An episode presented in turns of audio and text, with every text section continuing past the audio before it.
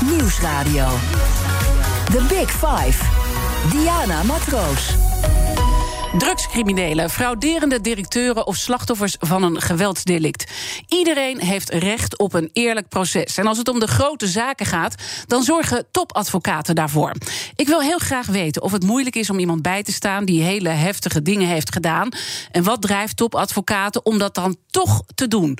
En ook hoe is het om zo lang, vaak met gevaar voor eigen leven, aan die top te staan?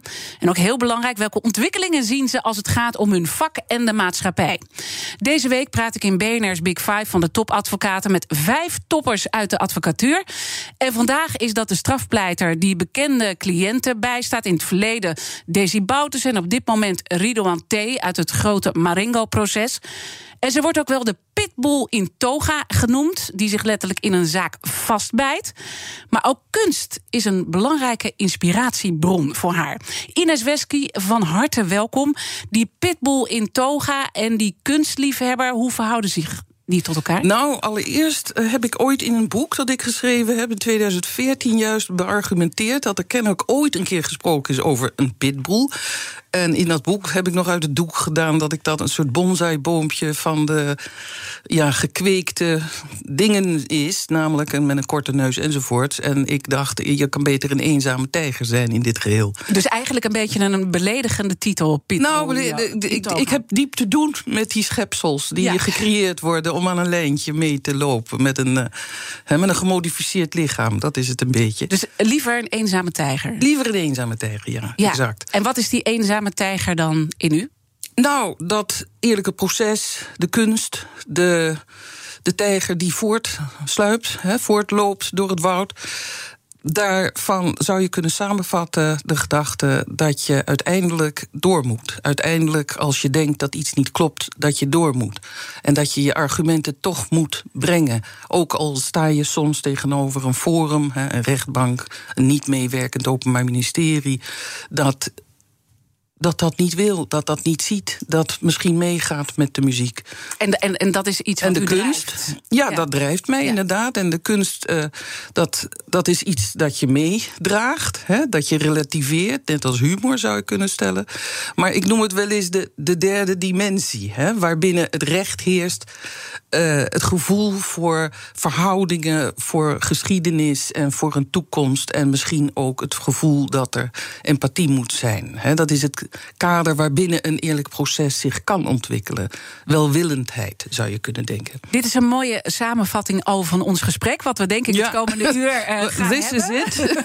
Hou maar op. Nee, we gaan nu de diepte in. En ik kan me ook voorstellen, uh, zit er ook iets dat, je, uh, dat u ook hier bent...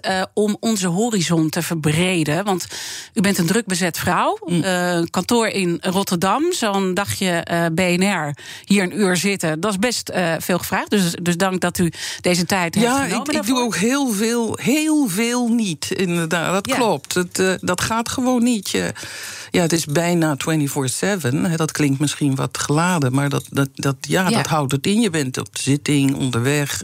Ja. Hè, je, je ziet heel veel langs de weg. Heel veel benzinestations en heel veel rechtbanken. Binnen maar dan toch hier uh, vandaag, is er dan ook een belangrijke boodschap... die u graag kwijt zou willen? Ja, soms heb ik kennelijk de ijdele gedachte dat je door te spreken over bepaalde onderwerpen. En dat blijkt ook dan toch wel dat dat resoneert. Hè, dat mensen daar door nadenken. Dat, dat is al mooi. Hè, dat ze meedenken. Dat ze denken, ja, misschien.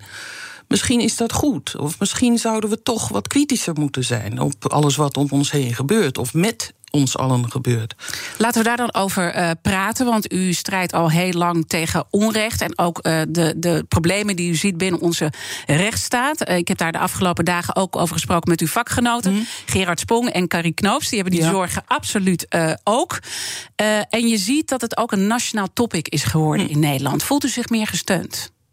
Nou, het is heel langzaam weer. Hè. En, nogmaals, als je de geschiedenis kent, dan zie je ook die golfbewegingen. En dan kan het soms te erg worden. Hè, dat een overheid bijvoorbeeld zich te veel bemoeit met zijn burgers. Te veel de burgers, eh, de inwoners, als verdachten behandelt. Uh, te enorme repressie. Hè. De beroemde algoritme. Iedereen wordt gecategoriseerd. Uh, we hebben daar de enorme ellende van gezien.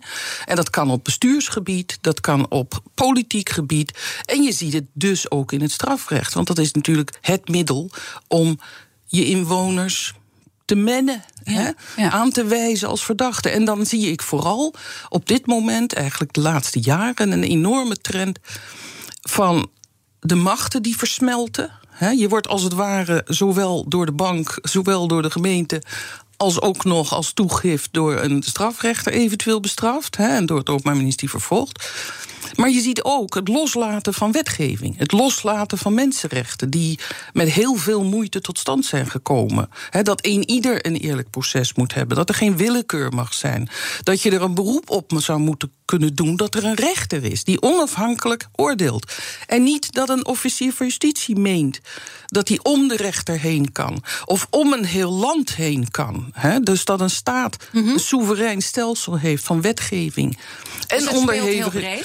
Het speelt, het speelt heel breed. Is het internationaal? Is het, het is absoluut erger geworden. Dus we hebben het er meer over. Dus dat is misschien uh, positief. Aan de andere kant, uh, in, in Zomergasten in 2020 zei u ook dat u een hekel heeft aan massa-hysterie. Ja. Wordt er ook wel eens een beetje kriegel van dat we het nu opeens allemaal uh, daarover hebben, over de onderneming? Nou, ik zou bijna zeggen, het is nog niet genoeg op het ogenblik. Het zou mooi zijn als die massa-hysterie zich zou richten op de bescherming van die mensenrechten en van die grondrechten.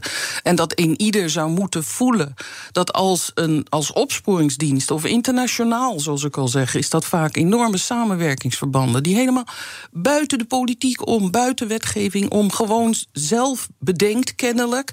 Nou, dan gaan we die groep, hè, of wij stellen dit als feit, en vervolgens ga je zelf daar een een of andere regeling bij verzinnen. En je, je, je doet maar, je doet maar. Dus het zou mooi zijn als meer mensen waarde hechten aan het belang van wetten. Aan het belang van een eerlijk proces. Dus dat begint en dat nu wel meer te komen, in ieder geval in de gesprekken. Maar we begrijpen het misschien nog niet voldoende? Nee, omdat er toch, en dat is natuurlijk altijd zo geweest. Er is altijd de, ja, ik noem het maar de massa, maar de massa die niet genoeg kennis heeft, die geleid wordt naar een bepaalde emotie. En dan denk ja, dat, die, die verdienen helemaal geen eerlijk proces. Hè? Dus laten we zeggen, de, de mhm. beroemde onschuldpresumptie.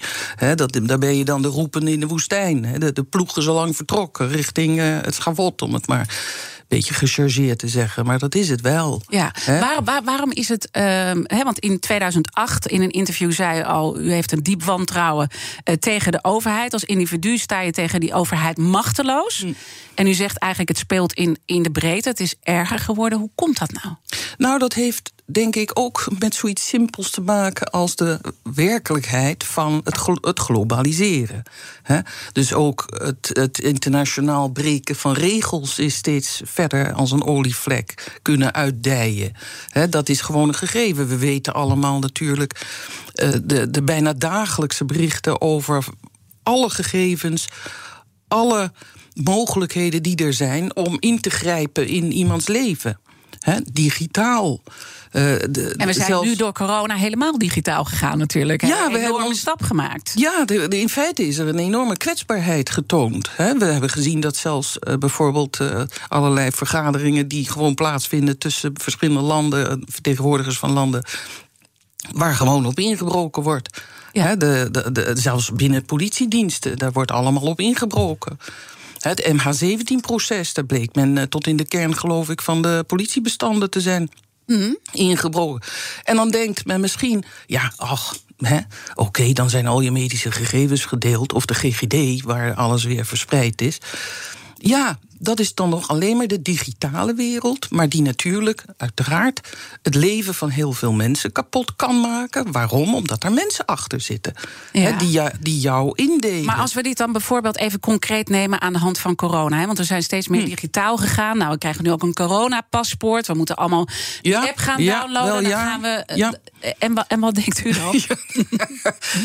Nou, dan denk ik toch wel hoe onnozel men toch kan zijn Dat er kennelijk iets verzonnen wordt. Van kom, laten we dat gaan doen. Een app, de beroemde app, laten we het daar even kort over hebben. Dat, uh, nou, enorme ploegen mensen die weten van hoe gaat dat met die systemen, hoe gaat dat toegepast worden, wie gaat dat dan verzinnen. Denk ooit aan het OV-jaarkaart uh, of het paspoort, het biometrische paspoort. Het zijn elke keer weer uitbesteden projecten uh, waar miljoenen en miljoenen aan besteed worden. Iemand wordt dat dan gegund en dan komt er een productje, maar gedurende dat hele traject wordt eigenlijk blijkbaar nauwelijks nagedacht. Heeft dat zin? Gaat dat gebruikt worden? Wat is het resultaat daarvan? En vooral, wat zijn de zwaktes van zo'n systeem? Gaat u zelf in zo'n app? Nee. En dan, en dan maar geen vakantie. Trouwens, daar houdt u volgens mij toch nou, niet van. Precies, je kan mij toch al werkend aantreffen, scharrelend tussen de stukken. Dus, ja. ja. Nee. Maar, maar, maar, onze naïviteit dan uh, als uh, maatschappij en, en uh, Gerard Spong maakte zich hier ook uh, zorgen over. Het gaat steeds meer ook, want als we het even relateren aan het recht.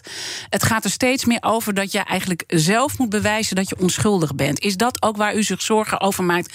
Als we al onze gegevens maar gaan delen, zoals we dat nu dus ook doen. Ter wille van onze gezondheid en dat we op vakantie kunnen, onze vrijheid zogenaamd? Ja, en, en als je het al niet zelf deelt of moet delen, omdat overal bij elke site, ook trouwens van allerlei overheidsdiensten, DigiD of whatever, daar wordt verplicht dat jij aanklikt dat jij allerlei cookies installeert.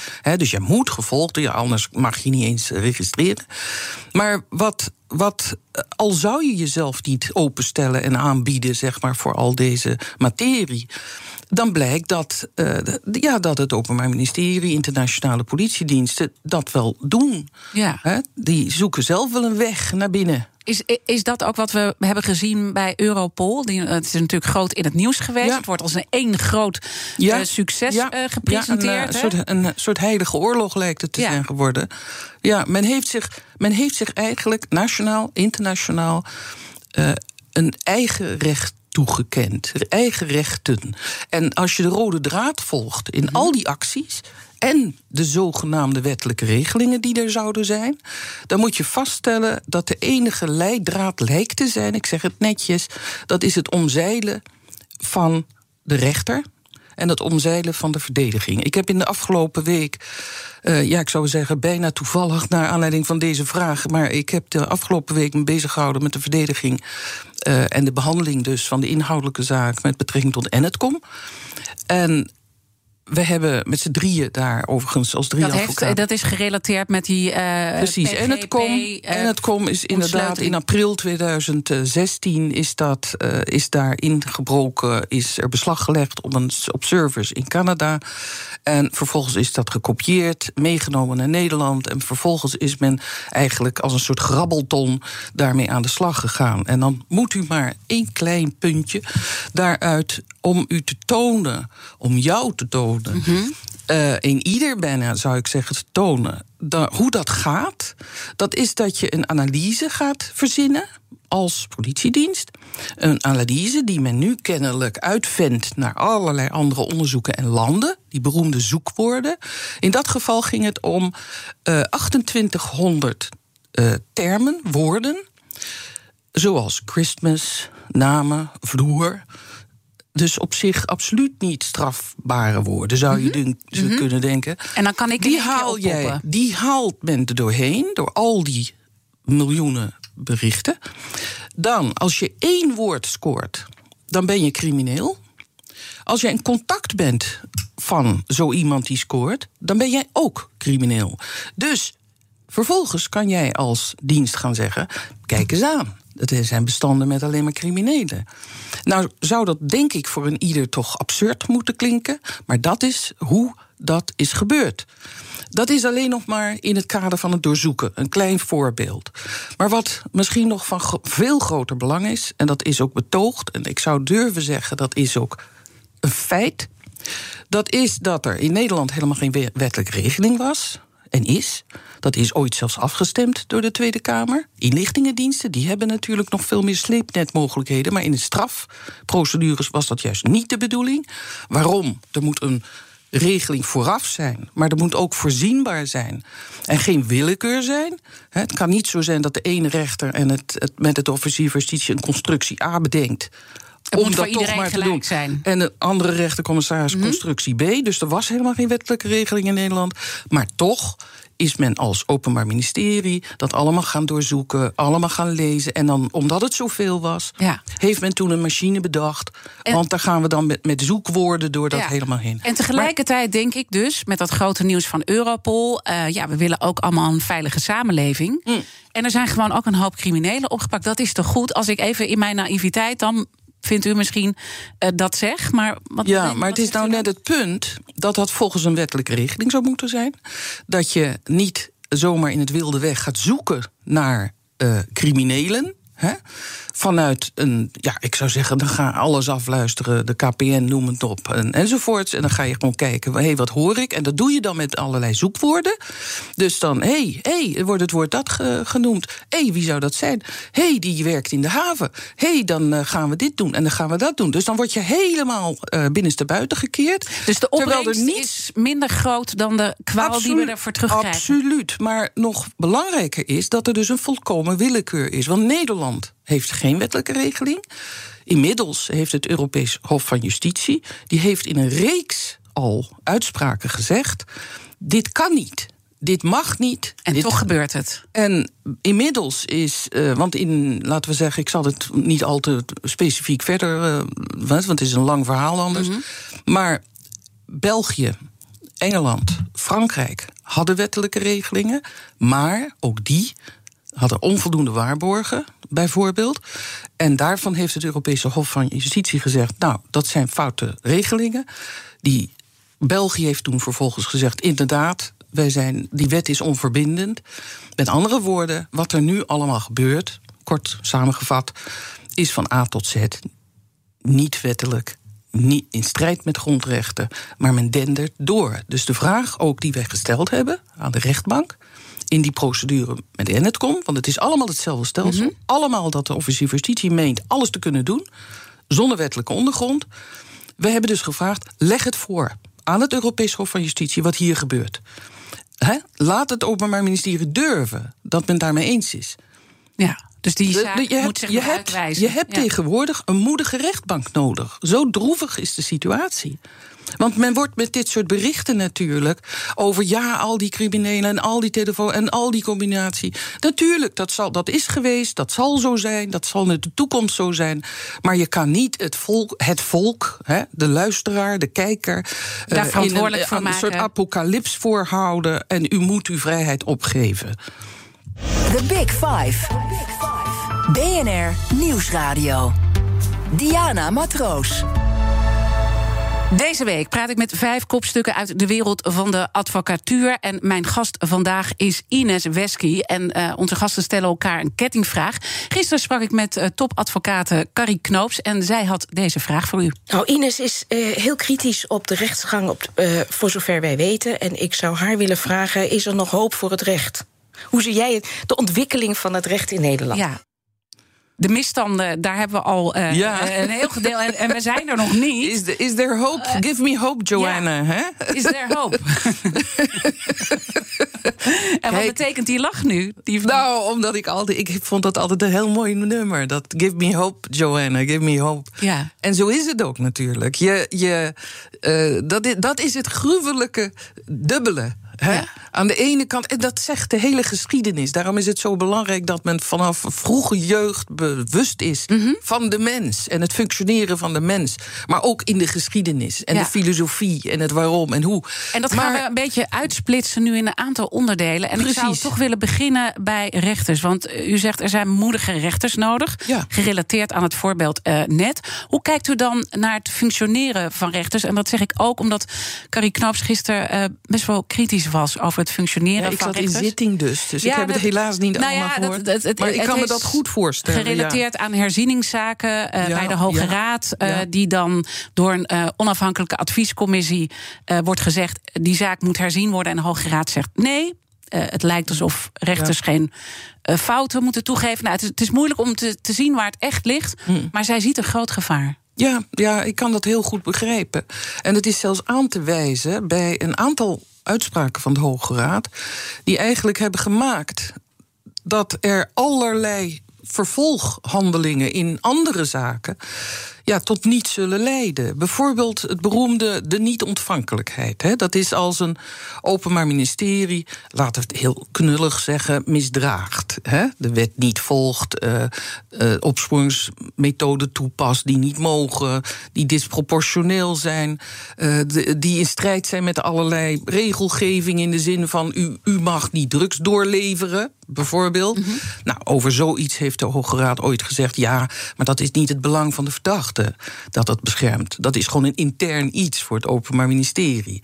Ja, een Openbaar Ministerie moet soms een halt toegeroepen kunnen worden. Die gaan te ver. Ja, dus men, men, men, men, neemt dus steeds meer de ruimte. De redelijke termijn, ander klein onderwerp, dat is ook een groot onderwerp. Dat is namelijk het leed dat een hele lange procedure tot gevolg kan hebben voor iemand die maar wacht. Wacht, wacht, wacht. Met zijn hele gezin, met zijn familie, met zijn toekomst. Wacht op een behandeling van een zaak. Nou, daarvan heeft de Hoge Raad op enig moment gezegd. Ja, nou ja, ja, dat mag niet tot niet-ontvankelijkheid leiden. En wat zegt dat u? Dat maakt dus dat men gewoon eeuwig wacht. En er kan nog altijd een zaak aangebracht worden. En dat lagere rechters daarmee zitten met dat punt, met dat probleem eigenlijk. En hoe moedig dus- zijn dan die lagere rechters? Nou, dat, dus wat je vervolgens ziet, er zijn natuurlijk ook veel ernstiger onderwerpen. Dat was het feit dat er werd gesteld. En de Hoge Raad is op een aantal punten toch weer aan het laat ik zeggen, terug aan het komen op die toch rigoureuze afbreuk, wat het toch is geweest van de eerlijkheid van een proces. Dus daar zit het sprankje hoop. Daar zit, precies, dat, daar, dat zie je dan maar. Maar de moed zit erin dat een heleboel rechters ondertussen, en daar zit men in die, in die positie, vanuit de politiek, vanuit de maatregelen, vanuit de wetgeving, heen enorm worden ingekaderd hè? En, en worden geïntimideerd. Dus de politieke, eigenlijk de politiek, politiek op de stoel van de. Ja, politiek en vanuit het Openbaar Ministerie, vanuit de, de, de, de zogenaamde veiligheidsgedachte. Uh, we, moeten, we moeten veroordelen, er moeten mensen. En, uh, en geen middelen krijgen, geen ondersteuning, er moet steeds meer. Men, men krijgt allerlei beheerders en toezicht. En, begrijpt u? Dus de vrijheid, de onafhankelijkheid daar, daar zit het grote gevaar. Dat mhm. als jij daar zit en je, jij bent al die zaken maar aan het afwikkelen. En dat moet sneller en dat moet meer. En, hè, begrijpt u? Dan, natuurlijk gaat dan de kwaliteit. Laten we daar dan straks over verder praten. Over die uh, politieke invloed die we zien hm. op het recht. En de rule of law die daarmee uh, volgens u onder druk staat. Mijn gast in BNR's Big Five van de topadvocaten is Ines Wesky. En zit daar ook, uh, moeten de advocaten ook hand in eigen boezem steken? Dat wil ik ook graag horen en wat kunst en criminaliteit met elkaar te maken hebben. Tot zo. BNR Nieuwsradio. The Big Five. Diana Matroos. Welkom bij het tweede halfuur van BNR's Big Five. Deze week praat ik met vijf kopstukken uit de wereld van de advocatuur. Uh, eerder deze week sprak ik met Gerard Spong en Carrie Knoops. En die gesprekken zijn natuurlijk zoals altijd terug te luisteren in onze BNR-app. Mijn gast vandaag is strafpleiter Ines Wesky. En we waren net op het punt uh, aangekomen van de politieke beïnvloeding als het gaat om eh, recht. Als het gaat dus ook om onze rechtsstaat en de ondermijning uh, daarvan, waar u zich zorgen over maakt. En ik merkte dat ook in mijn gesprek met Gerard Sprong. Die was heel kritisch ook over de VVD. En dan met name over demissionair minister voor rechtsbescherming Sander Dekker. Hij noemde hem zelfs minister van rechtsaantasting. Gaat u ook zo ver? Nou, ik zou zeggen op z'n Rotterdams geen woorden maar daden. Maar als je die regel toepast op dat wat hij heeft gedaan of tot stand gebracht of nog wilde doen. Uh, dan is het woord demissionair had misschien al een paar jaar eerder moeten worden toegepast. Ja. Uh, omdat al die maatregelen eigenlijk alleen maar het, ja, het ausradieren, het weghalen van rechten is. En van mogelijkheden is. En van, van de verdediging, maar ook voor rechters. De hele bescherming van het recht dat er zou moeten zijn. Dat wordt door op soms subtiele manieren en soms op minder subtiele manieren uh, verdwijnt het. En als het dan gaat om onze rechtsstaat, uh, um, moeten we dan toe naar een kabinet zonder VVD? Nou, het is, ik moet zeggen, het is niet alleen maar de VVD of een specifieke partij. Het is een, een breed gedragen. Uh, sentiment dat er kennelijk voor de buitenwacht of voor elkaar, ik weet niet wat daar psychologisch achter ligt, maar vooral voor de ander, hè, niet zichzelf, denk ik. Mhm. Dat zou mooi zijn als men ook aan zichzelf zou denken. Ik heb. Uh, minister Dekker, demissionair minister Dekker, ooit wel toegesproken tijdens mm -hmm. de Gerbrandi-lezing. Dat ging onder andere over de enorme bezuinigingen voor de verdediging, voor de advocatuur. Nou, de sociale Buiten, advocatuur daar ook, heb hè? ik het ook over. Ja, ja. Exact. Die uh, langzaam maar zeker een uh, ja, scharrelen tussen, tussen Ja. de nog overgebleven toga's door. Hoe, schandelijk op is het- dat als je Het was, eh, weet... het was en is schandelijk. 55% van de rechtszaken. In Nederland eh, eh, is Ja. gericht tegen de Nederlandse staat. Ja, ja, geloof ik. Ja, Dat en dat, heeft dus een reden. De- dat gaat weer gepaard met een staat die zich niet wenst te laten controleren. Er is onlangs nog over de inlichtingendiensten een zeer kritisch rapport. De toezichthouder die daarover geklaagd heeft, dat al, al zeggen ze dit kan niet, het gaat gewoon door. Wat gebeurt er? De wetgever vindt, nou dan moeten we toezicht gewoon uit de wet Mhm. voor een groot deel halen. Dat, dat is een zieke gedachte. Ja. Dus jij En- toch die- zegt u, is er is ooit een minister Ja. geweest die heeft gezegd... eh, in het kader van de procedures de WOP... Hè, dat, je, dat je de wet openbaarheid bestuur... dat je inzicht zou moeten krijgen in de totstandkoming van bepaalde regelgeving... of handelen. Nee, zei toen een minister, ik geloof Donner als ik het goed heb... eh, men Nou, hoeft niet te CDA, weten... hè, dus het is niet alleen Daarom VVD, zeg ik, ja. het is niet. eh, men hoeft niet te weten hoe het worstje is gemaakt. Dat Ja. was zijn uitdrukking. En dat is nog steeds zo. Ja. Wij mogen het niet zien, we mogen het niet horen, we moeten het alleen maar voelen. En toen ik daar sprak, toesprak, zou ik bijna zeggen, en zij aan de hand van een voorbeeld notabene uit de 17e eeuw. Hè, hoe men toen iemand ophi- ophing. En eh, de rechter was dan degene die de verdachte moest gaan eh, bijstaan. Hè? En de verdachte die aan het eind van zijn proces zei... maar, eh, maar mijn getuige dan? Mag ik, die dan? mag ik die dan nog horen? Nou, die werd vervolgens eh, opgehangen buiten, ondersteboven geloof ik, of niet. Maar dus... Dat was de situatie die ik beschreef. Dat was de situatie nu. Met op het binnenhof eh, de- de demonstrerende sociaal advocaten. Hè, smeken, zou ik bijna zeggen. Kloppend op de poort. Als Marie-Antoinette zat tegenover mij, bij wijze van spreken. Dat was de minister. Die ik En- dan toesprak ja, met. Maar wij zijn de laatste strohalm. En, wa- en, wat, en is dan de reactie? Nou, vriendelijk. Ik heb hem nog een hand gegeven. Dat komt toen nog. Ehm, en omdat je die hoop hebt. Omdat Ja. je de hoop hebt dat je iemand bereikt. Ja. Dat iemand beseft wat is men aan het doen. Maar, het eh, gaat hij door. is vriendelijk, eh, maar het gaat dus door. Ja, maar die mensen zijn er in de geschiedenis. hè. terwijl u eh, en- door de JOVD in 2012 bent u nog, heeft u nog een onderscheiding gekregen omdat u zo strijdt Ja, ja, was een heel fijn gezelschap. voor onze Dat rechtsstaat. Ja. Die allemaal goed bedoelend waren. Oké, en, dan, en dan, dan heb, dit, dit is dan de politiek. En u, u zegt al, we doen het met z'n allen. Eh, wat, wat is de rol van advocaten in het geheel? En dat vraag ik ook omdat die hele zaak van Frank Oranje, de landsadvocaat, hè, de notaris die ehm, nou, iets van 9 miljoen Ja. wist weg te sluizen. Ja. En het is heel ongelukkig met hem eh, afgelopen natuurlijk, dat weten we. Maar het staat ook voor iets groters, dat hij ermee weg kon komen. Hoe, hoe, hoe kijkt u als het gaat om eh, onze rechtsstaat en hoe advocaten zich opstellen? Wat voor Ja, zitten hoe- daar ook weeffouten? nee, maar dat heeft natuurlijk meer te maken met hoe mensen ergens mee wegkomen. Hoe bepaalde subsidies eh, verdwijnen.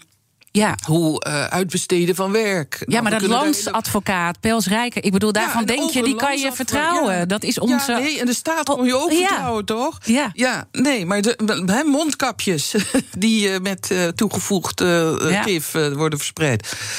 Dat gebeurt allemaal. Dat is, dat is dus het gebrek aan controle.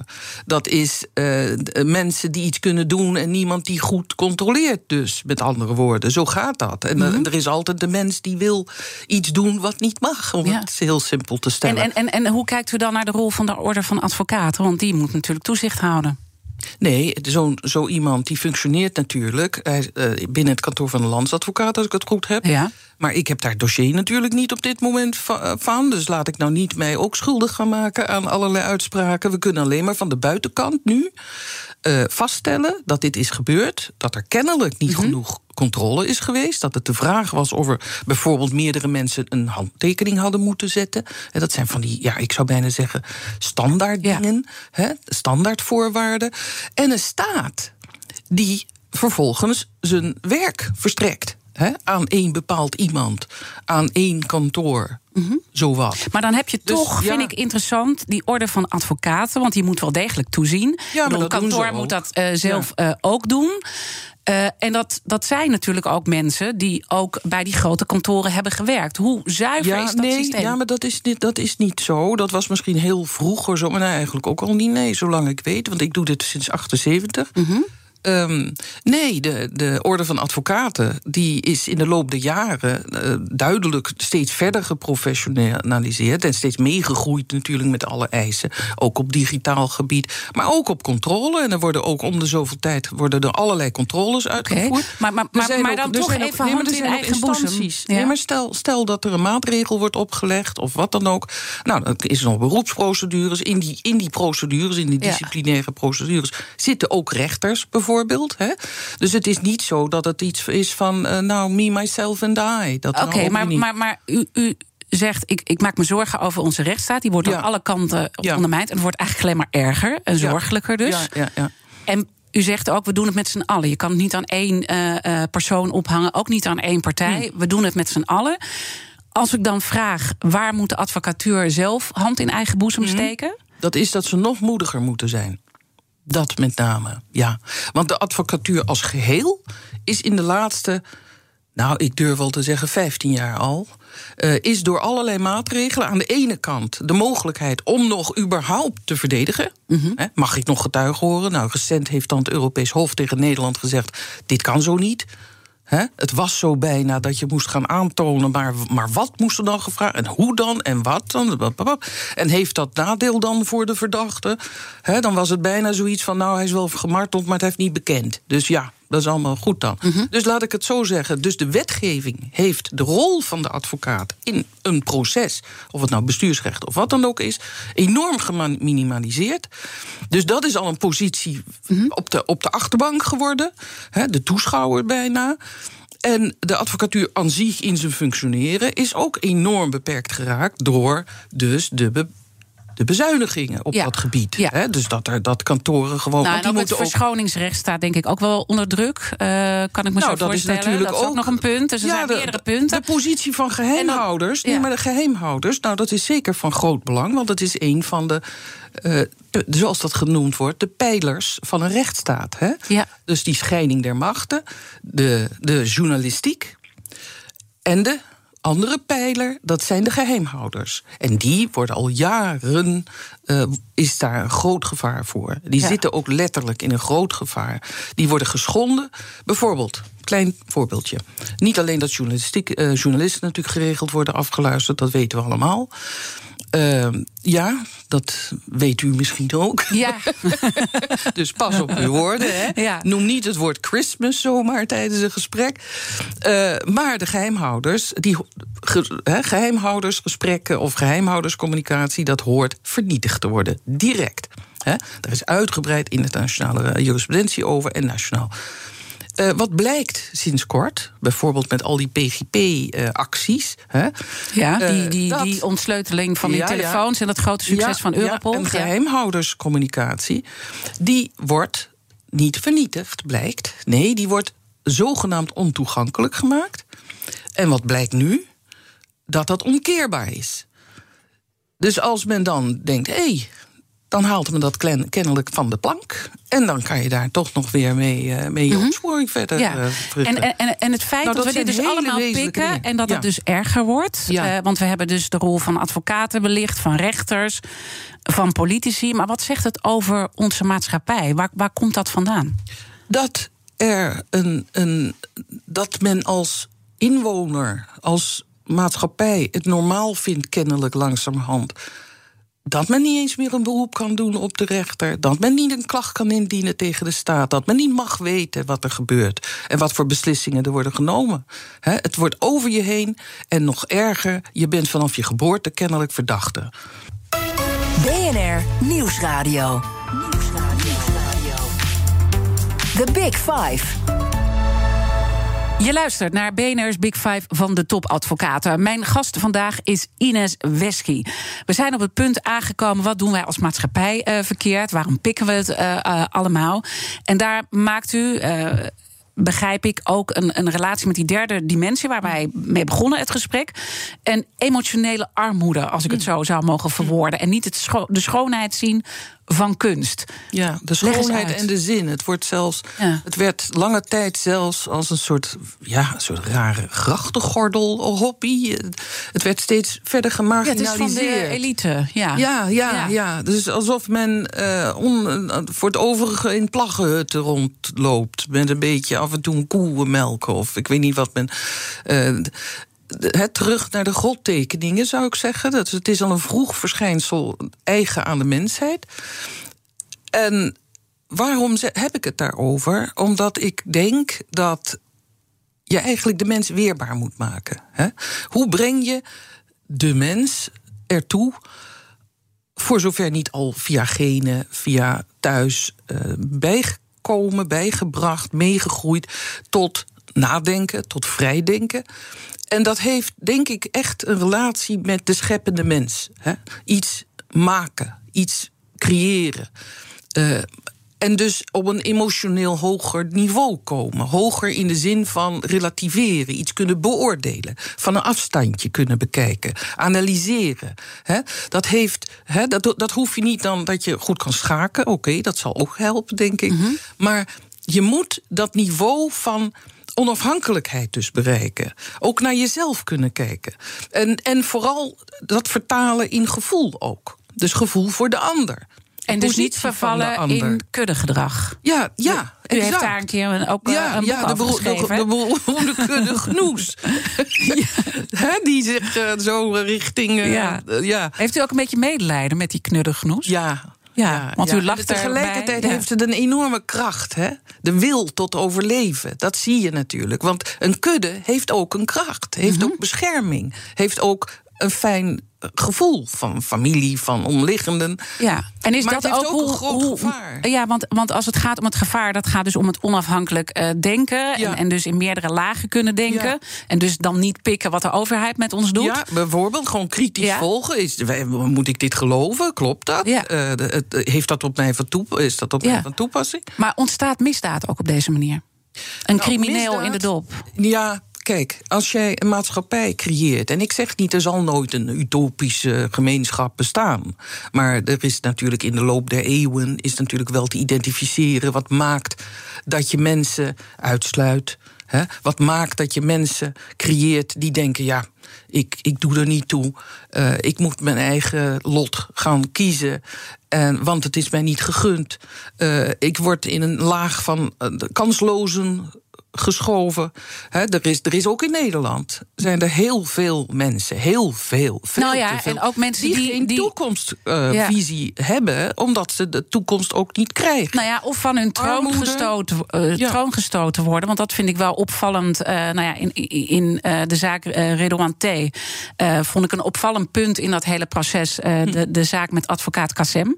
Ja, ja, ja, ja, ja. Die uiteindelijk ook uh, een, een relatie maakt tussen zijn afkomst. Dus die, heeft, uh, die zegt: Ik zie het in elkaar storten. Ja, de orde van advocaten pleit hem vrij. Ja, zeker. Maar de schade is al. Ja. Ja. ja, dat, dat is dus de, dat is de meute. Hè? Ja. Je wordt, dat is aan de andere kant. Dus je hebt aan de ene kant, laten we zeggen, het begin. Het begin van je bestaan. Mm Wat wordt je gegund? Wat krijg je voor opleiding? Zijn dat bevoegden die dat doen? Krijg je zwemles? Krijg je dus inderdaad uh, kennis aan kunst, aan het mooie, aan het scheppende? En krijg je dus een eerlijke kans. Ja. En, en, verwacht je überhaupt voor jou een eerlijk proces? En dat heeft inderdaad te maken ook met wat, wat er wordt verspreid vervolgens over jou en over jouw groep en over jouw functioneren. Want vindt u dat onterecht wat er in die zaak Kassem uh, met advocaat Kassem uh, is gebeurd? Want hij zegt het is een soort van uh, guilt by association. Dat de puzzelstukjes als gevolg van zijn achtergrond wel erg makkelijk zijn ja, ingevuld. Nou, ik denk dat die factoren zeker een rol hebben gespeeld. Ik kan niet anders concluderen, tuurlijk. Ja. Net zoals, laten we zeggen, by association... in dit geval notabene met betrekking tot mijn cliënt... die nog nooit veroordeeld is. Hè? Dus uh, laat ik daar niet eens over beginnen. Dat nee, zal ik ook, ook niet de doen. zaak even. Uh, ja, want ik kan, ik kan alleen maar zeggen ja. dat tot op de dag van vandaag, en dan heb ik het over de schrijvende pers of de media, en dat is vaak, denk ik, niet weten hoe het zit. En dat men dan aanneemt dat als iemand iets zegt, oh, dat zal hem wel kloppen. Mm -hmm. He, te weinig tijd, te veel freelance, noem maar op. In ieder geval, dat de hele kwestie van een onschuldpresumptie, dat lijkt niet meer te bestaan.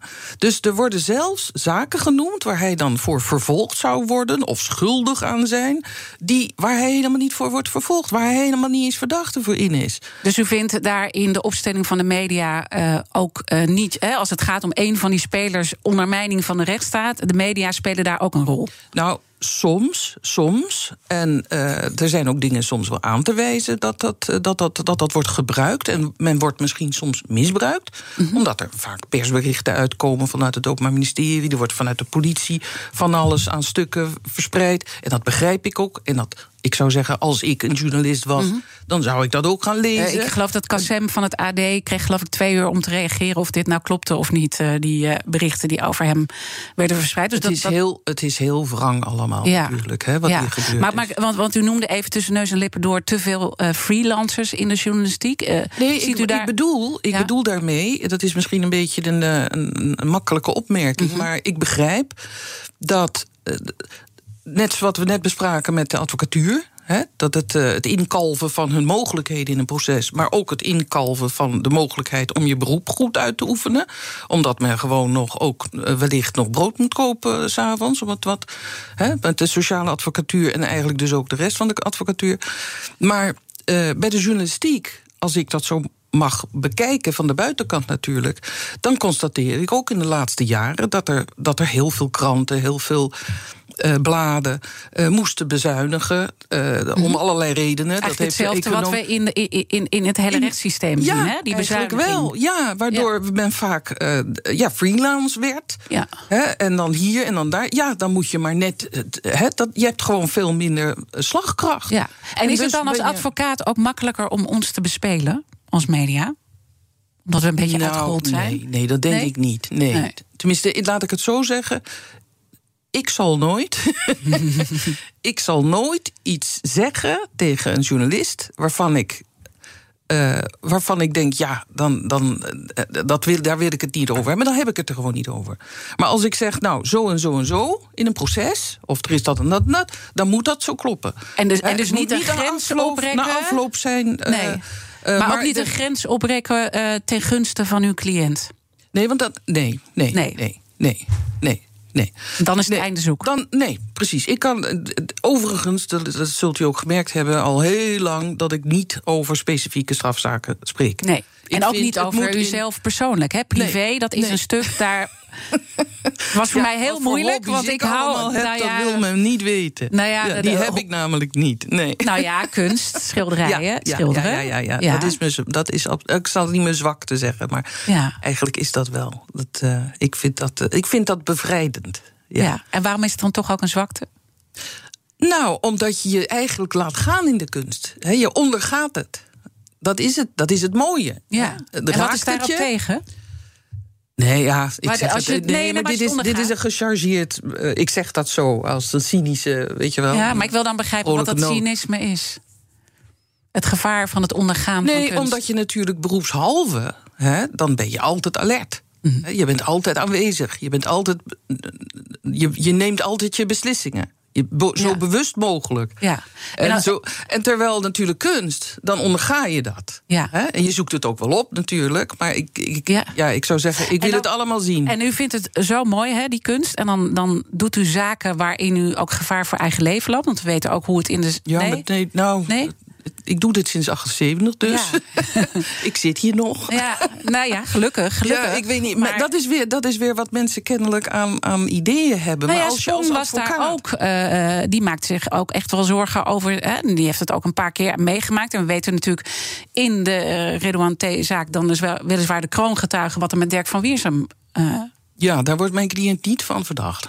Nee, dat, de- voor de de- nee dus die relatie Ja. leg ik niet. Maar Ja. wel dat er rondom zo'n zaak eh, is er een hoop gevaar. Nou, er zijn, er zijn natuurlijk soms media die, die, die, ja, die dingen zeggen dat je denkt, maar wat is dit? Weet je wel, dat is een soort opruiend eh, iets. Mhm. Ja, maar, Maar voor het overige, nee, nee, ik ben niet bang, nee. Nee. Ik ben niet bang. nee. Het heeft ook geen zin, denk ik. Hè? Nee, ik, zou, ik ga gewoon door. Nee, ja, maar kijk, ik denk ook dat, zeker als advocaat, eh, dat je eigenlijk altijd duidelijk moet zijn. Ja. Tegenover je cliënt, niet tussen mensen in gaan zitten. Weet je wat, dus je moet gewoon je werk Mhm. Het is doen. echt verschrikkelijk. Je moet eh, afloop Ines, kunnen omkijken Ines. je bent klaar. Het is verschrikkelijk, maar ik moet gaan afronden. Yes. En heel belangrijk, nog een kettingvraag voor mijn gast Oh morgen. ja, ja. Benedict Fiek. Ja, Wat is de vraag? ik zou eigenlijk de vraag willen doorgeven. Is er nog hoop voor het recht? Wat is haar idee daarbij? En we hebben vandaag een beetje van u gehoord, Ja. waar of best goed, dat er nog heel veel grote zorgen zijn, dat ze eigenlijk erger zijn geworden, maar dat het toch maar de mens, de mens zelf geeft altijd nog hoop. de mens zelf geeft altijd nog hoop. Ja. En kunst is daarbij heel Ja, erg belangrijk, die derde dimensie.